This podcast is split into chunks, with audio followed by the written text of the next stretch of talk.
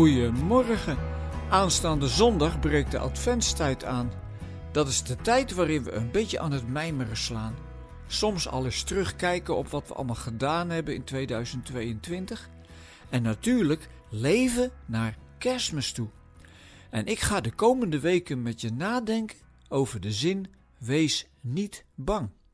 Die zin schijnt maar liefst 365 keer in de Bijbel te staan. Dus één keer voor elke dag.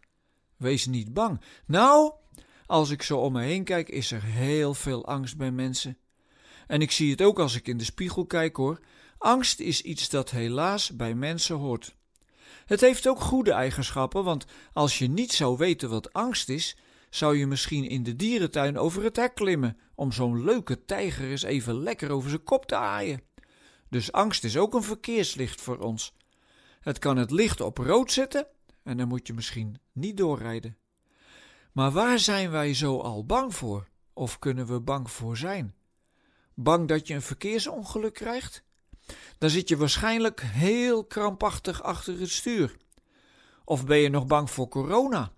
Tegenwoordig praten we er iets anders over dan een jaar geleden, omdat het allemaal wat milder is. Maar als je er doodziek van bent geweest, of er zelfs iemand door verloren hebt, is het heel logisch dat de schrik nog in je benen zit. Of heb je smetvrees? Er zijn mensen die zo bang zijn dat ze met iets fouts besmet worden, dat ze alles tien keer op een dag moeten schoonmaken. Of dat ze de deurkruk niet bij durven pakken. Dit is een psychische aandoening waar mensen enorm onder kunnen lijden. En zo zijn er nog wel meer angsten die vallen onder het begrip angststoornis. Je kunt ook een enorme angst hebben om afgewezen te worden en je daarom in allerlei bochten wringen om er maar bij te mogen horen. Want als je het gevoel krijgt dat je in de steek gelaten wordt, zakt de bodem weg onder je bestaan. En je kunt natuurlijk ook bang zijn voor God.